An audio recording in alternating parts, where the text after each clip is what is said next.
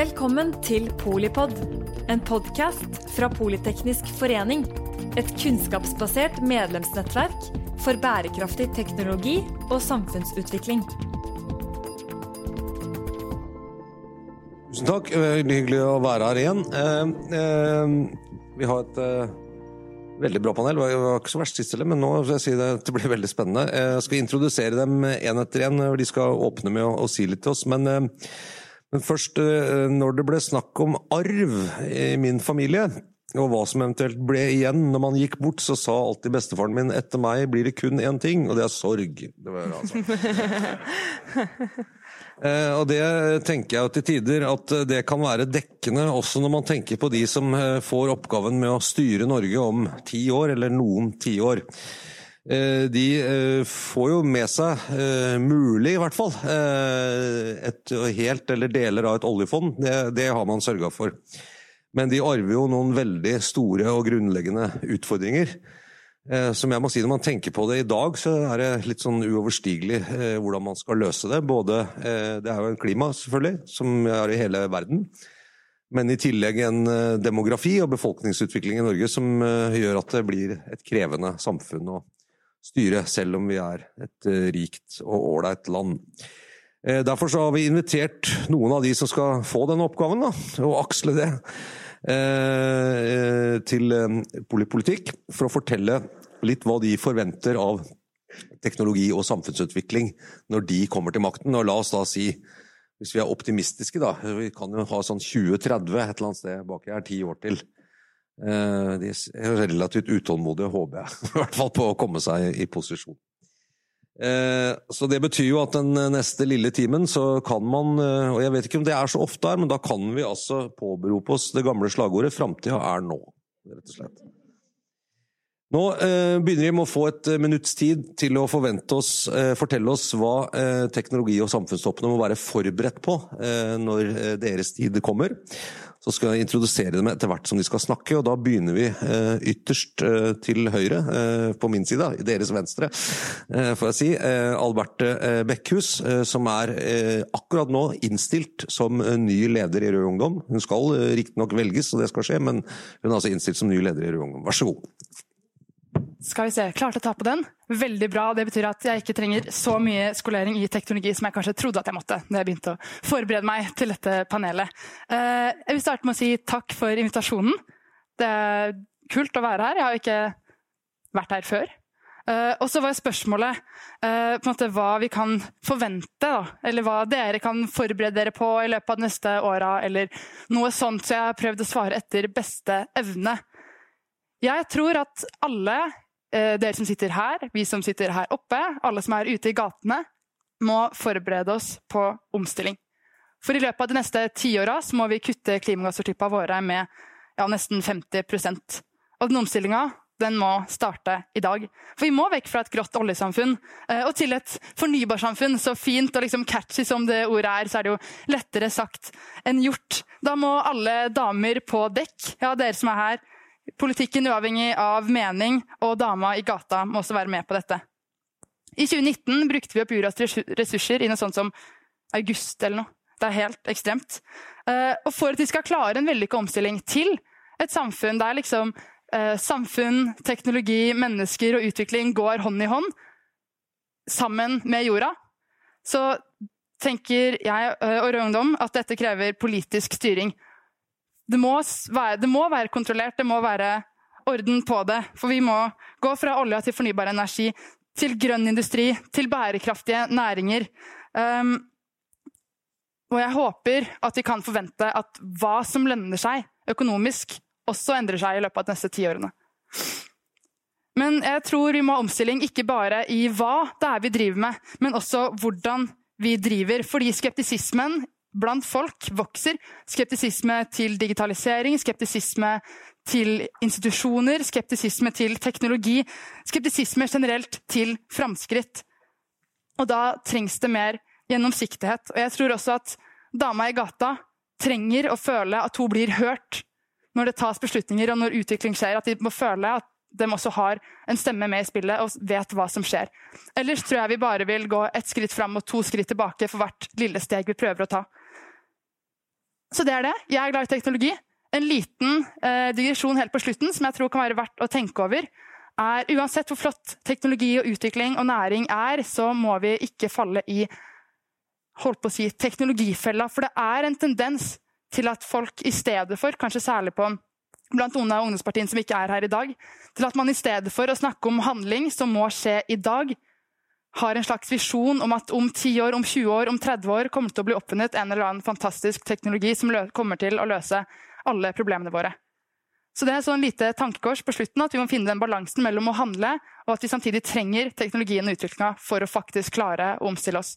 For ellers så er det ganske lite håp tror jeg, for meg og de andre fra den generasjonen og kommende generasjoner. Takk. Det var litt over 60 minutter. Nei, sekunder.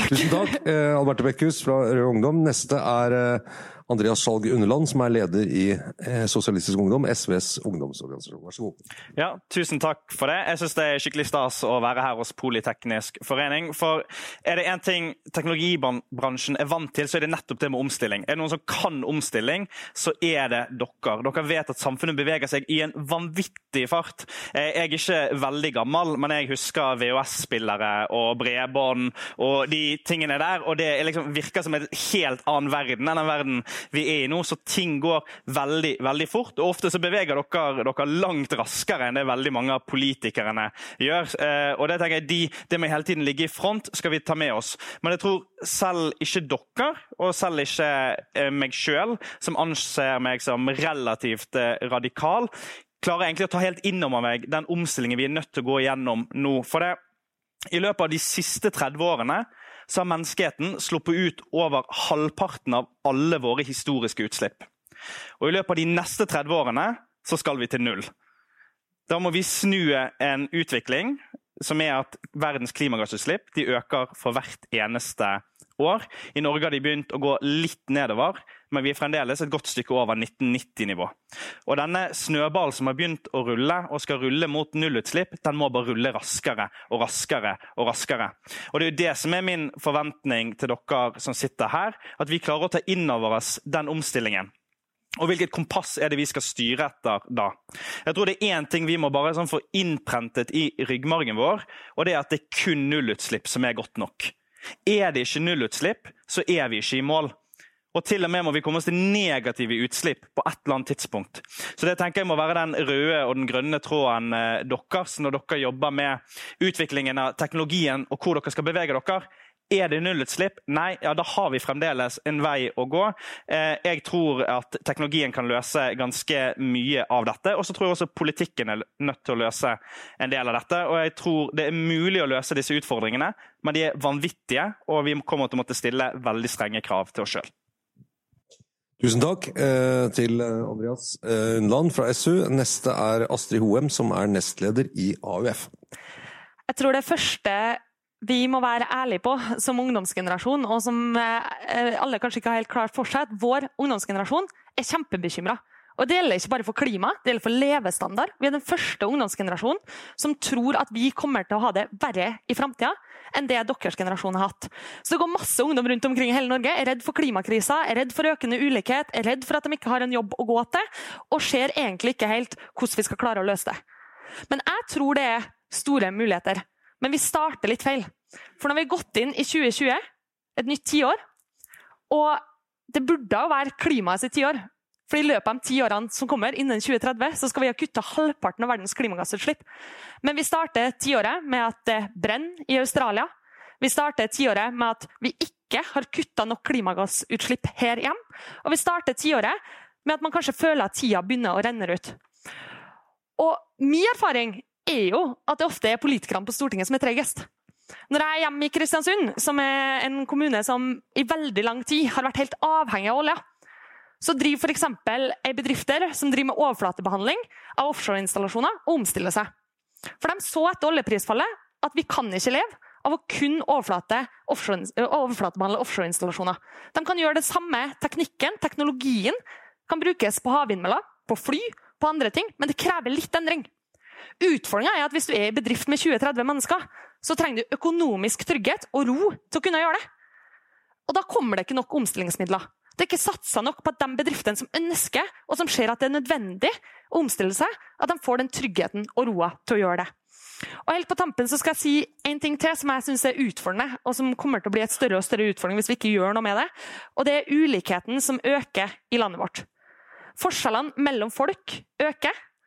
Hvis vi fortsetter i den utviklinga vi har nå, så er det snakk om 10-20 år før formueulikheten er like stor i Norge som den er i Frankrike og Spania. Og det er jo en utfordring, fordi vi trenger jo den beste kompetansen inn i arbeidslivet. Vi trenger folk som uavhengig av hvor mye foreldrene deres tjener, tør å satse på å bli ingeniører, tør å satse på å jobbe innenfor tech, tør å utdanne seg som lærer og andre ting. Men hvis ulikheten fortsetter å øke, så vet vi også at det fører til at mulighetene blir mindre for dem som sitter nederst ved bordet. Og der òg er jeg utålmodig, og vi trenger politikere som tør å ta de grepene som trengs. For hvis ikke så kommer vi til å sitte i et annet type land enn det vi er så glad i. Tusen takk. Eh, siste er eh, Hanna Lein Mathisen, som er leder i Oslo Unge Venstre.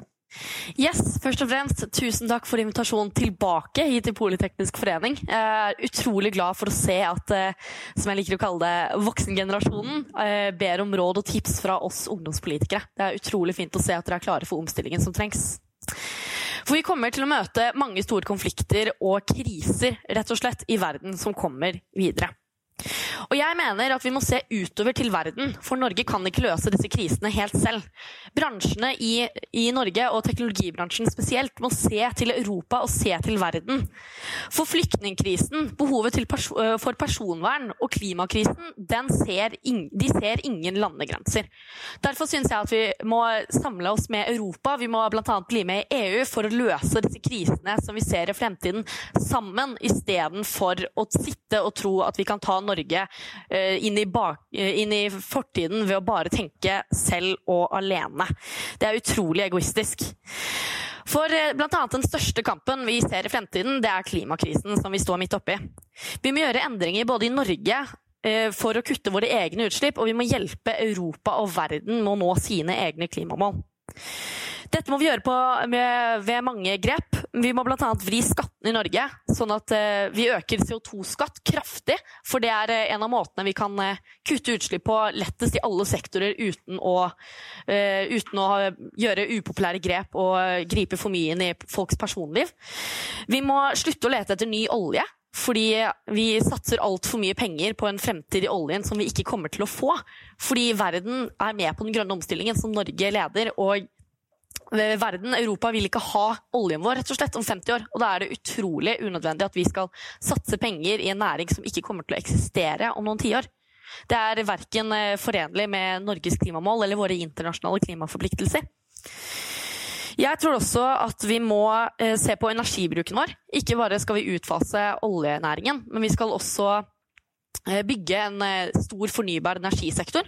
Vi skal eh, forske på å utvikle videre havvind og vind til lands. Det er utrolig viktig for at vi skal kunne bli Europas grønne batteri, som vi liker å kalle det.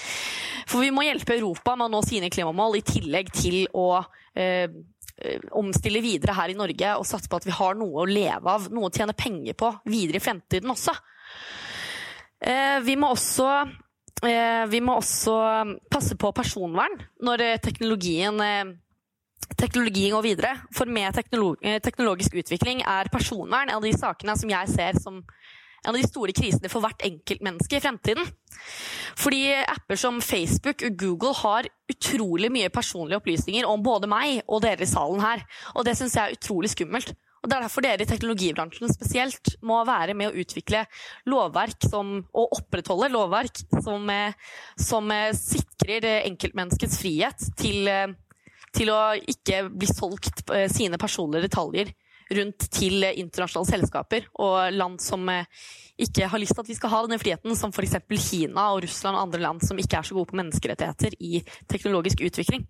Det syns jeg er skummelt, men jeg er veldig klar for å ta kampen for fremtiden.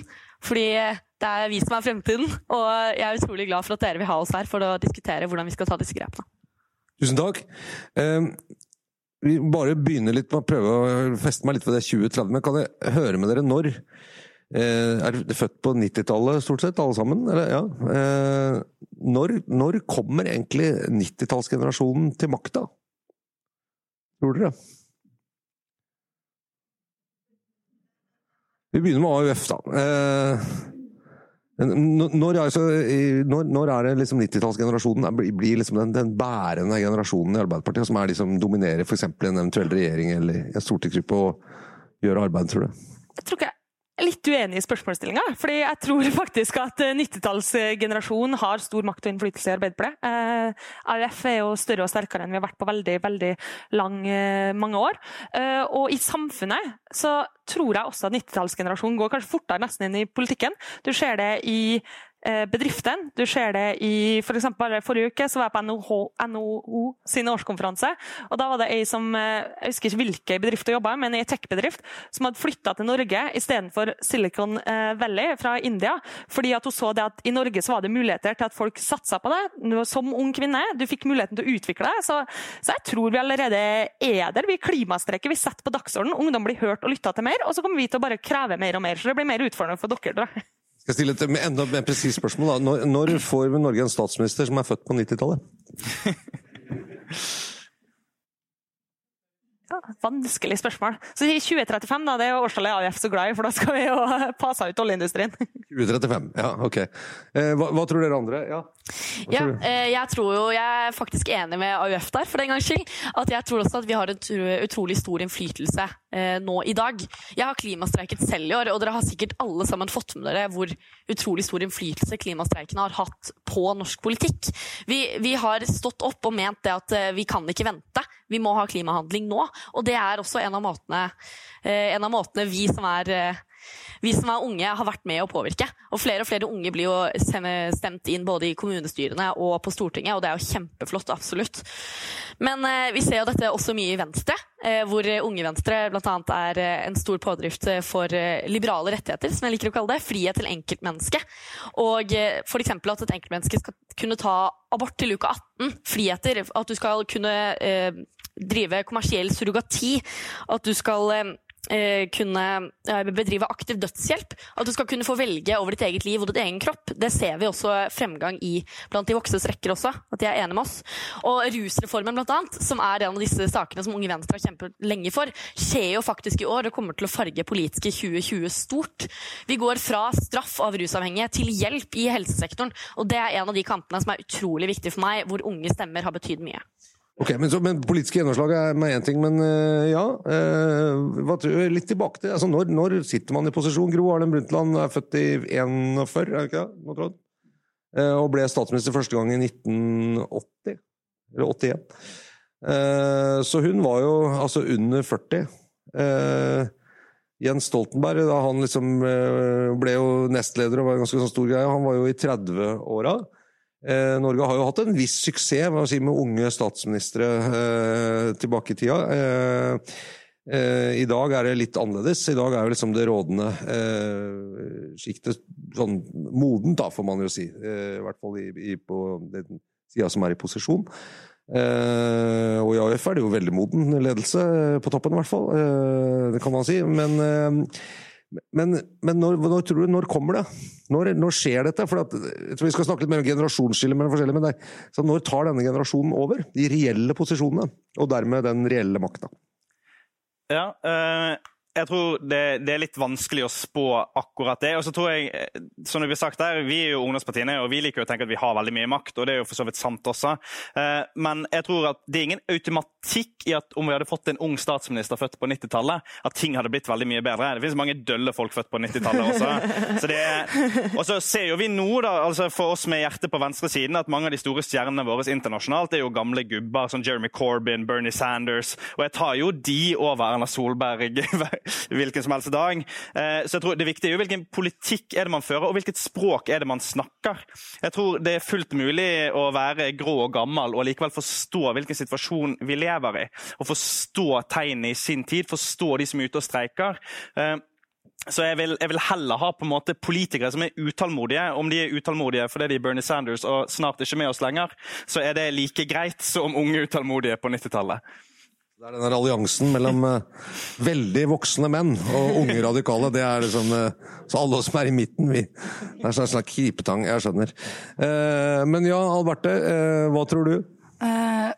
Ja, jeg vil starte med å kommentere litt på det som du nevnte, Andreas, i forhold til de der gamle manneidolene. på en måte. For her tror jeg det er en endring. I Finland har de helt nylig fått en ung, kvinnelig, ganske radikal statsminister. I USA ser vi Alexandra Ocasio-Cortez, Ilan Omar, som er unge, radikale kvinner som setter dagsorden. Så jeg tror det er en endring, og jeg håper at den treffer Norge eh, snart. Uh, og Jeg klarer ikke å gi et veldig konkret tidspunkt, men jeg tror at vi som sitter her, representerer en generasjon med potensiale for makt og potensiale for reell endring. For jeg tror vi kjenner den framtidsfrykta mer, og jeg tror vi kan gjøre den om til noe konstruktivt. Jeg tror vi har det potensialet, men da tror jeg også at vi må innrømme for oss selv at vi har den. Fordi jeg tror også at 90-tallsgenerasjonen er en generasjon til en viss grad prega av avmakt. For vi har ikke, altså sånn fram til typ midt på 70-tallet så var politikk ikke bare styrende, men endrende. Og med inntog av nyliberalismen så har politikk i større og større grad blitt å bare overse at ting flyter. Så jeg tror det er noe med den politiske identiteten som kanskje må, må vekkes litt. At vi har ikke sett hvordan man kan føre en politikk som faktisk setter dagsorden, endrer verden og tenker nytt. Og jeg tror vi må lære oss det litt, og bli bevisst den makta vi har som unge mennesker, som på en måte har framtida foran oss og i våre hender. Og jeg tror forhåpentligvis at det skjer i løpet av dette tiåret. Og da tror jeg vi skal se at unge folk som tør å ja, si det som det er, da, uh, skal sitte på makta. Man snakker om generasjonsskiller, eller generasjonskløft. Det er også noe som man har snakket om. Jeg, jeg mener Hvis man ser på stemmefordelingen i brexit, f.eks., så er jo det en, veldig interessant å se hvordan det skiller seg. Uh, en veldig sånn klar uh, kurve fra remain til brexit, uh, som, uh, hvor liksom remain-andelen går kraftig, går liksom sånn jevnt nedover jo eldre man kommer opp i demografien. Altså, si, de eldre ville ut, og de unge ville bli. Og så kan man jo diskutere om da de dette handler jo mye om framtida til folk. Er det riktig at liksom, de eldre skal få bestemme over framtida til de unge, som tross alt skal leve i den osv.? Men det, det, er en annen diskusjon. Men, men, jeg tror også man begynner å se liksom dette At man ser en del sånne politiske generasjonsskiller.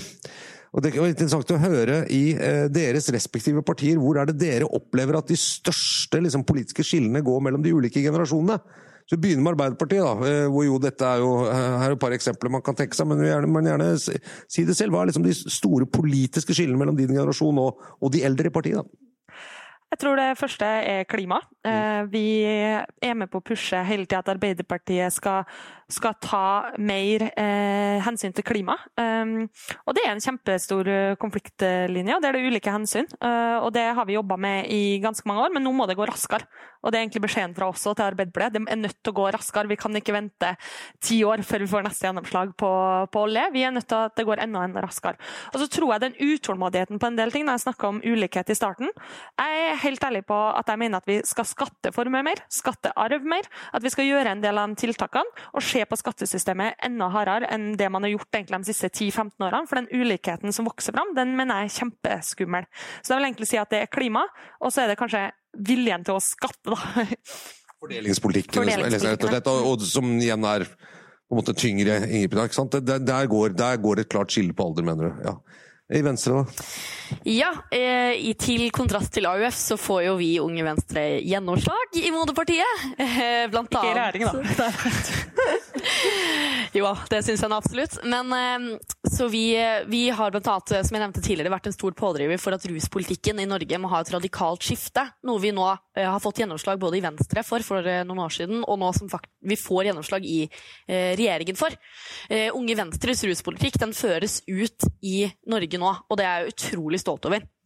Og så har du helt rett når du sier at eh, hvis ungdommen eh, får bestemme, så hadde ikke brexit skjedd. Eh, Trump hadde ikke styrt i eh, USA, og Erdogan hadde ikke styrt eh, i Øst-Europa.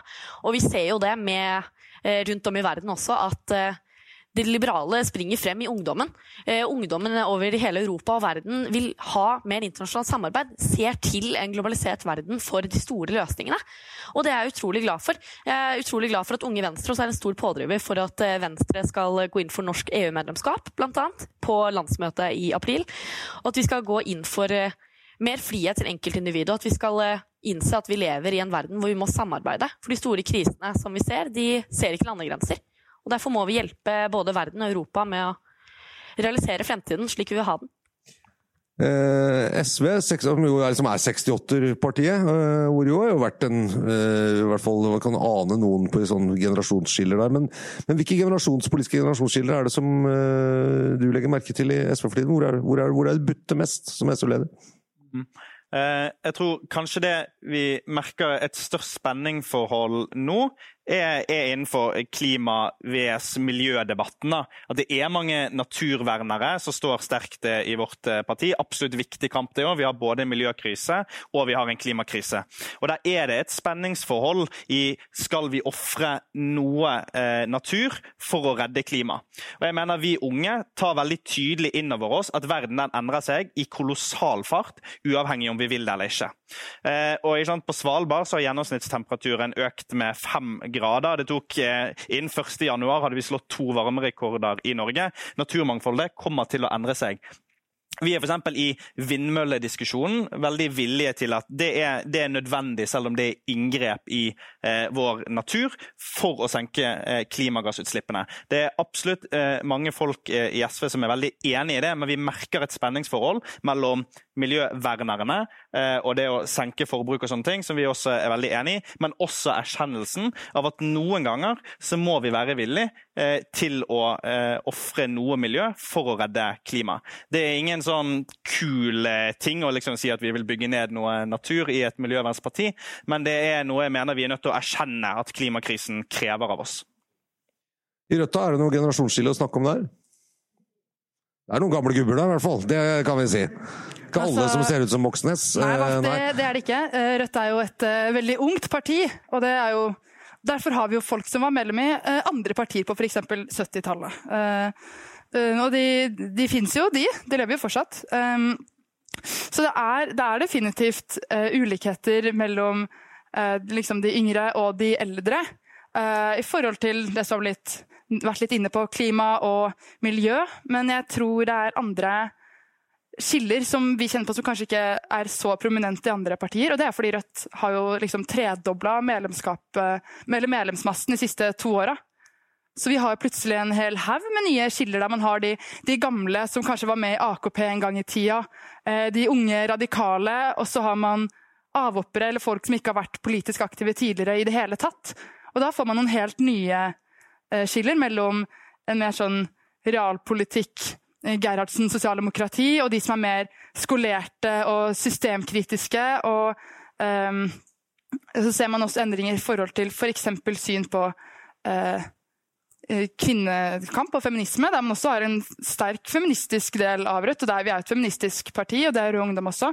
Men hvor det fortsatt kommer inn folk som kanskje ikke er like godt skolerte på det. da, fordi at de plutselig når ut til veldig mange flere. Men jeg vil også snakke litt om klima. fordi Eh, i hvert fall mellom Rød Ungdom og Rødt tror jeg det går en slags fordel der. Og vi kan til tider være litt frustrerte med Rødt for ikke å ta, snakke mer om klima, rett og slett. Fordi Rødt har jo ikke nødvendigvis eierskap til saken.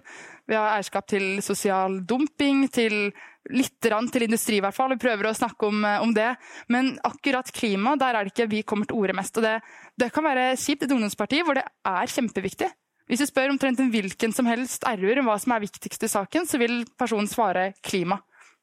Og Der går det også et skille mellom eh, at vi yngre kanskje ønsker en konkret realpolitikk som er gjennomførbar i dag, fordi vi trenger god politikk som kan gjøres nå, mot noen fra den eldre, generasjonen som kanskje syns det blir enklere å bare si ja, men vi må bare avskaffe kapitalismen, så, vi, så, kan, så løser det seg. For, for det, er, det, er, noen som har den den innstillinga også. At sånn, det er ikke mulig å gjøre noe som helst i dag fordi vi mener at systemet ikke har lagt opp til det. Og det blir jo også litt dumt all den tid vi er nødt til å løse, løse klimakrisa i dag. Vi kan ikke vente på en eventuell systemendring som 3% av befolkningen i Norge har lyst på. på en måte. Det, det blir litt dumt. Det er et, et skille mellom den yngre og eldre generasjonen. Jeg skjønner. Mm. Eh, eh, noen sånne grunnleggende politiske skillelinjer i Norge. Nå hører dere at jeg har lest Rokkan, ikke sant? Jeg, veldig, husker det fra statsvitenskapen. Men, men har jo noen klassiske. altså Høyre-venstre-aksen den, den, Og den får vi vel kanskje tro at liksom lever. Men eh, også har du jo, syns jeg, de siste åra hatt veldig mye sentrum-periferi er jo liksom oppe nå, som en veldig tydelig og, og engasjerende politisk skillelinje i Norge. Og så føler jeg meg man har vel sånn eh, klima Og den er litt sånn ung gammel, eh, føler jeg. Men, men de, de, er i dag, og det er mye av det vi har snakket om nå. Men hvis man prøver å se mot 2030, eller 35 da, gjerne det. Eh, har dere noen idé om hva dere tror liksom blir de viktigste politiske skillelinjene da?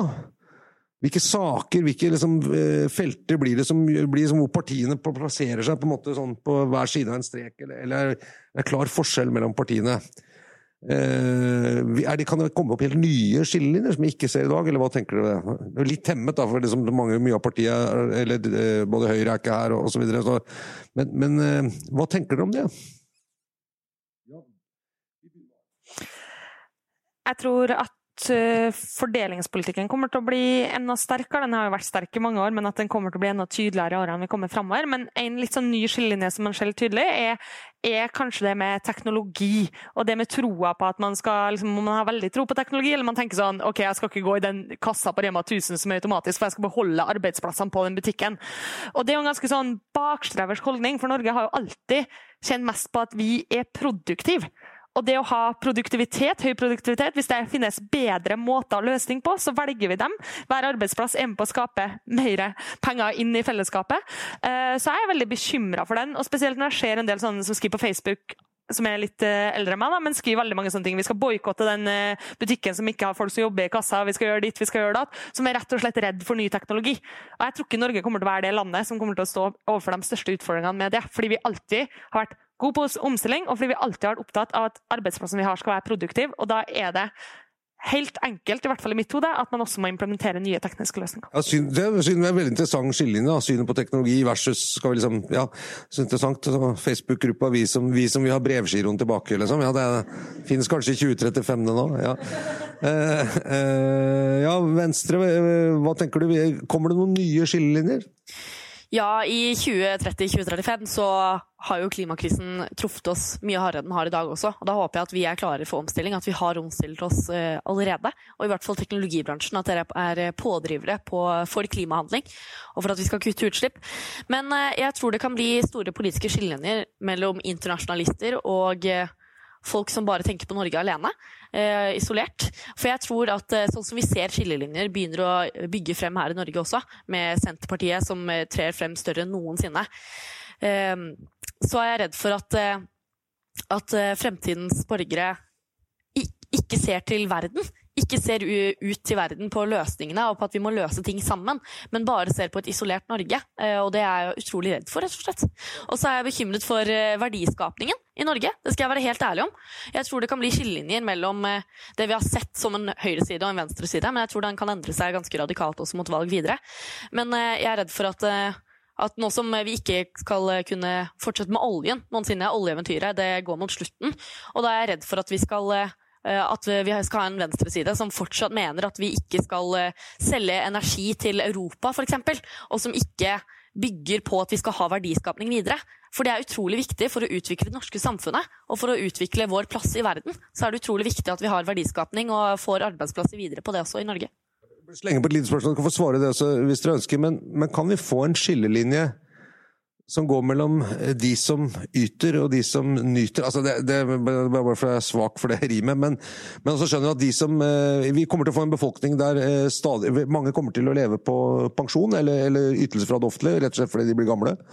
og så kommer vi til å ha en del folk som er utenfor arbeidslivet, kanskje, som vi har i dag. Og en stadig mindre andel av befolkningen er jo de som på en måte skal jobbe og betale skatt og betale inn. Men kan det utkrystallisere seg også i en litt sånn betent og vanskelig politisk skillelinje. Hva tror du om det på venstresida?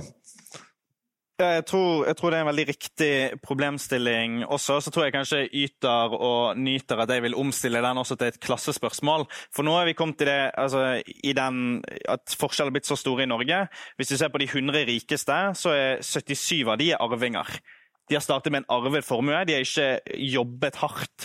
At vi har kommet til et samfunn der vi belønner arv, og ikke det å arbeide. Og hvilke muligheter du faktisk har til å belønne innsats i, i løpet av livet. Jeg tror at det er noe når forskjellene øker, folk ikke vil finne seg i.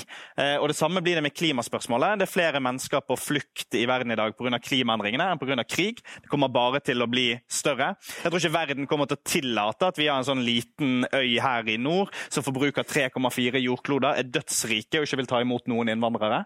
Jeg tror ikke det er reelt. Jeg tror også det kommer til å mobilisere da ytre høyre. At du kommer til å få et mye mer turbulent samfunn med da økte økonomiske forskjeller. kommer til å bli et mer ustabilt samfunn eh, også. Det synes jeg er en skremmende utvikling. Og det er derfor jeg tror at klimaløsningen kun kan bli en god løsning dersom man også har det forskjellsperspektivet med. At eh, Vi kan ikke ha en sånn arveelite og gjeninnføringen av dynasti eh, i Norge. Det er vi nødt til å klare å omfordele, sånn at vi får mer produktivitet i samfunnet, og at vi belønner eh, innsats og vi bygger sterke fellesskap med mulighet eh, til alle.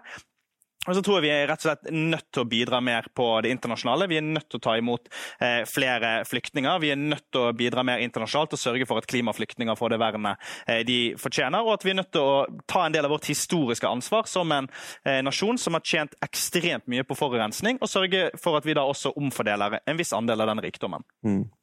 Rødt, da? Hva blir, som, hva blir ytre venstre-posisjon? Dere er jo gode, dere lever jo av skillelinjer, på en måte, Rødt. Å være Ja, ytterst på eh, den. Yes, vi er jo ganske ytterst, eh, ja. Nei, um, men jeg tror en, en til skillelinje som kanskje ikke kommer til å være så politisk, men likevel kommer til å gjennomsyre politikken i 2035, er hva man gjorde i dag. Helt oppriktig. Fordi klimaendringene kommer til å være mye mer seriøse i eh, 2035. Vi altså sånn, håper Australia fortsatt fins. Unnskyld, det var litt insensitivt. Men eh, jeg, jeg tror det kommer til å spille inn. Altså, eksempel Fremskrittspartiet, som ikke nødvendigvis brander seg som klimaparti i dag, de tror jeg kommer til å merke om 15 år at de ikke var det. Fordi de var på feil side, på en måte, og det kan man jo være uenig om. Men fordi de ikke tok stilling og var aktive nok i den omstillinga som jeg håper at finner sted. Så jeg tror det kommer til å være en skillelinje. Hva var det du mente? Hva var det ditt parti gjorde? Når det virkelig gjaldt, da, når det fortsatt var mulig. Um, jeg tror at i 2035 så vil en litt samme som vi ser i dag, på at private eller kollektive løsninger, vil gjelde oss i framtida. Hvordan vi skal håndtere klimakrisa når den møter oss, og hvordan vi skal kunne være hva skal man si? Og Det er også noe jeg vil oppfordre dere til. Vær så snill, kom med teknologien. Hvordan vi skal håndtere klimakrisa når den er her. Når det faktisk er mer ekstremvær, når det er mer usikkerhet og mer utrygghet i forhold til klima. Hvordan man skal håndtere dem. Om løsninga da er å virkelig bygge opp en sterk velferdsstat som er i stand til å håndtere kriser. For da blir det nesten ikke kriser. Eh, flyktningkrisa i 2015 var en krise fordi vi ikke var forberedt. Um, men når vi skal gå for de kollektive løsningene, eller om man skal fortsette å se på det private, at det blir mer sånn Ja. Hva er det begrepet? Ja. Alle for en selv, da. Ja, privat kollektiv, ikke Ja. sant? Ja, nettopp. Den kan komme. Ja. Eh, bare raskt nå, Astrid Hoem, eh, og så skal dere få komme med sluttappellene. Eh, call to action, men eh, raskt eh, innpå. Vil du gjøre det? Ja, jeg tror at vår generasjon vi har blitt kalt ganske mye. Liksom det er curlinggenerasjon, det er sy puter under armene-generasjon. Eh, men i realiteten så er det jo min far på 65 som har skutt gullfuglen. Han kommer til å ha kjempebra pensjon. Han har vokst opp i et samfunn som hele tida har utvikla seg i riktig retning i form av liksom, det har blitt eh, bedre velferd, bedre økonomisk vekst, alle de tingene der. Og det er min generasjon som sitter igjen med at pensjonen blir verre, at det er en del forutsetninger som er helt annerledes. Og da, det jeg er mest stolt over med vår generasjon, er at vi ikke bare tror at historia foregår foran oss som en film. Når vi går ut og klimastreker eller går ut og sier eh, si tydelig fra, så handler jo det om at vi vet at alt som er menneskeskapt, også kan endres av mennesker. Så jeg tror at etter hvert, som du sa, pensjon det tror jeg kommer til å bli viktigere og viktigere. Og jeg tror ikke at min generasjon kommer til å godta så store forskjeller. Altså, Jeg må spare opp mot nesten ja, femgangen så mye som min far måtte ha spart privat hvis jeg skal sitte med samme pensjon. Og Det mener jeg er en urettferdighet, og jeg tror man er nødt til å liksom sette seg ned og se på pensjonssystemet og se at f.eks. den levealdersjusteringa ikke kan gå ut i det uendelige. At liksom hver generasjon skal måtte ha det verre og verre og verre. Og så skal du kjøpe en bolig som er i, altså som andel av inntekten din eh, eksepsjonelt mye dyrere enn det faren din som vi ikke har råd til. ass. Som vi ikke har råd til. Ja. Lykke til. Eh, eh, med det Jeg er så glad jeg ikke er ung, jeg nå. Nei da. Eh, eh, helt til slutt. uh, her sitter jo mange folk uh, som kan mye, vet mye og er med å, å forme samfunnet. særlig gjennom teknologi. Dere kan få, og der må dere liksom være et minutt, helst litt mindre. Rett og slett en slags call to action. Hva må de gjøre for å være en del av løsninga og ikke være en del av problemet? Og det, hva, og det må de gjøre nå. Hva må de begynne med? Og Da begynner vi med Venstre, og så går vi bortover og ender på Alberte. Ja, det er det jeg er så glad i å snakke om. Det er at vi må handle nå. Vi kan ikke vente til vi blir gamle, rett og slett. Det er deres generasjon som må starte det vi trenger for fremtiden som vi vil ha.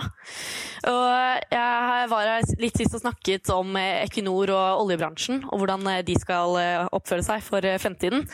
Og jeg vil si det litt igjen, at det er flott at Equinor og næringen vil kutte utslipp i, fra produksjon selv. Men det er ikke nok, rett og slett. Vi kan ikke bore etter mer olje og gass i Norge når vi allerede har funnet mye mer enn vi noensinne kan brenne og fortsatt ha en klode å leve på i fremtiden. Det er ikke nok å elektrifisere og kutte de få utslippene fra norsk produksjon på sokkelen i, i Nordsjøen. Eh, når utslippene er såpass mye større fra når oljen og gassen brennes i utlandet. Vi kan ikke, det er en enorm ansvarsavskrivelse, rett og slett, det vi driver med. At vi, eh, at vi borer opp eh, masse petroleum som vi aldri kan bruke, som vi legger på verden. For vi må hjelpe verden med klimakrisen som vi ser. Vi må tenke internasjonalt. Vi må se til Europa og se til verden, og det mener jeg dere også må gjøre. Teknologien må fremmes. Vi må hjelpe verden med å utvikle grønn teknologi, rett og slett. Og vi, har, vi ser jo allerede dette med eh, vindenergien, ha, eh, ha, flytende havvind, som Norge får, bygget, får bygget ut masse nå. Når vi som er et rikt land, som også har mye ansvar som vi må ta igjen for, for klimakrisen som vi sitter i nå, vi må hjelpe verden med å utvikle grønn teknologi som f.eks. havvind. Gjøre det billigere og lettere tilgjengelig for andre land, sånn at de også kan bidra til grønn omstilling i verden. Det var for langt, men uh, det må Sorry. bli kortere bortover her. Vær så god. Jeg vil egentlig bare si to ting. Det første er at akkurat som ungdommene som klimastreiker, så er vi alle like ansvarlig for at historien ikke bare skjer foran oss, men at vi er en del av den, og at alt som er menneskeskapt, kan også endres av mennesker. Det kan vi være med på å forandre. Kutte i klimagassutslipp, være med på å ta ordet i debattene. Det tror jeg blir enda, enda viktigere. Og så er det andre at jeg tror vi må ikke bare endre skattesystemet vårt for å få det mer omfordelende, men også for at vi skal investere mer produktivt. Jeg mener jo at Når folk sitter og eier fire-fem boliger, så er ikke det med på å skape nye arbeidsplasser. Folk må investere pengene i norsk økonomi, i norske arbeidsplasser, i norske bedrifter. Og Da er vi nødt til å skattlegge dem som på en måte er litt tommere investeringer, der man sitter og eier en bolig og venter på at avkastningen skal øke, enda mer. Så, så det er egentlig mine to ting i avslutningsavtalen. Okay. Ja, vær så god. Ja, Skal vi klare å løse klimakrisen, så må vi alle bevege oss mot det samme målet. og det der Mitt sånn mantra er det er kun nullutslipp som er godt nok. Jobb etter eh, det. Eh, dere har mye ambisjoner, de må bli enda større. Og dere er nødt til å presse på politikerne.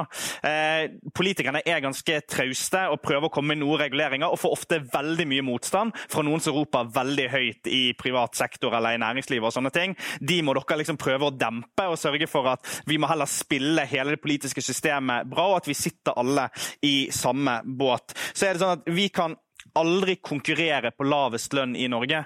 Det kan vi aldri vinne på, men vi kan vinne på å være best. Best på teknologi, best på klima og har de beste produktene med best kvalitet. Der har vi en mulighet. Og så er Det det dere aldri må falle for, er denne grønnvasking-fælen. Det er viktig at vi faktisk reelt sett klarer å senke utslippene. Det er ikke bare en sånn markedsføringsstrategi om at vi skal brande oss litt mer grønne. Vi skal faktisk levere grønne løsninger for eh, fremtiden. Eh, jeg tror det er mulig å løse dette, men det krever vanvittig mye av dere, eh, mer enn dere vet. Det krever vanvittig mye av oss, og mer enn vi vet også. Alberte, du får siste appell. til i det hele tatt. Sånn, ja, politiske uenigheter til side. Jeg håper at 2020 kan bli klimaåret, og at liksom 20-tallet kan bli klimatiåret. Fordi at det trengs, og da trenger vi alle mann og damer og hvem som helst på bord og med. Jeg håper at Eh, dere i liksom teknologinæringa omtrent kan ha, komme oss med proaktiv klimateknologi, slik at når klimaendringene for de kommer til å komme når de treffer oss, er vi forberedt slik at vi unngår de største krisene, og slik at vi kan fortsette å ha et godt og bærekraftig samfunn som takler det. Fordi vi kan takle det, men da må vi forberede oss allerede i dag.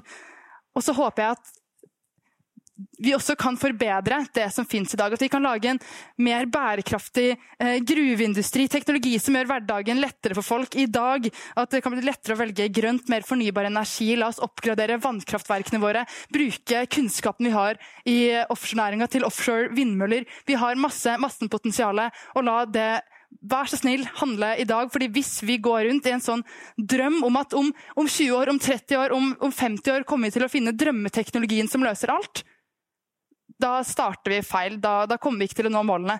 Så ja, vi må starte i dag, vi må være proaktive og vi må klare å legge eh, politiske uenigheter til side. For dette her handler om framtida vår. Dette er veldig veldig mye større enn høyre-venstre akse. Takk. Framtida er nå. Eh, tusen takk, alle sammen, og tusen takk for at dere kom. Takk for at du lyttet til Polipod fra Politeknisk forening. Få med deg flere episoder, eller bli med på nettverksmøtene som du finner på at polyteknisk.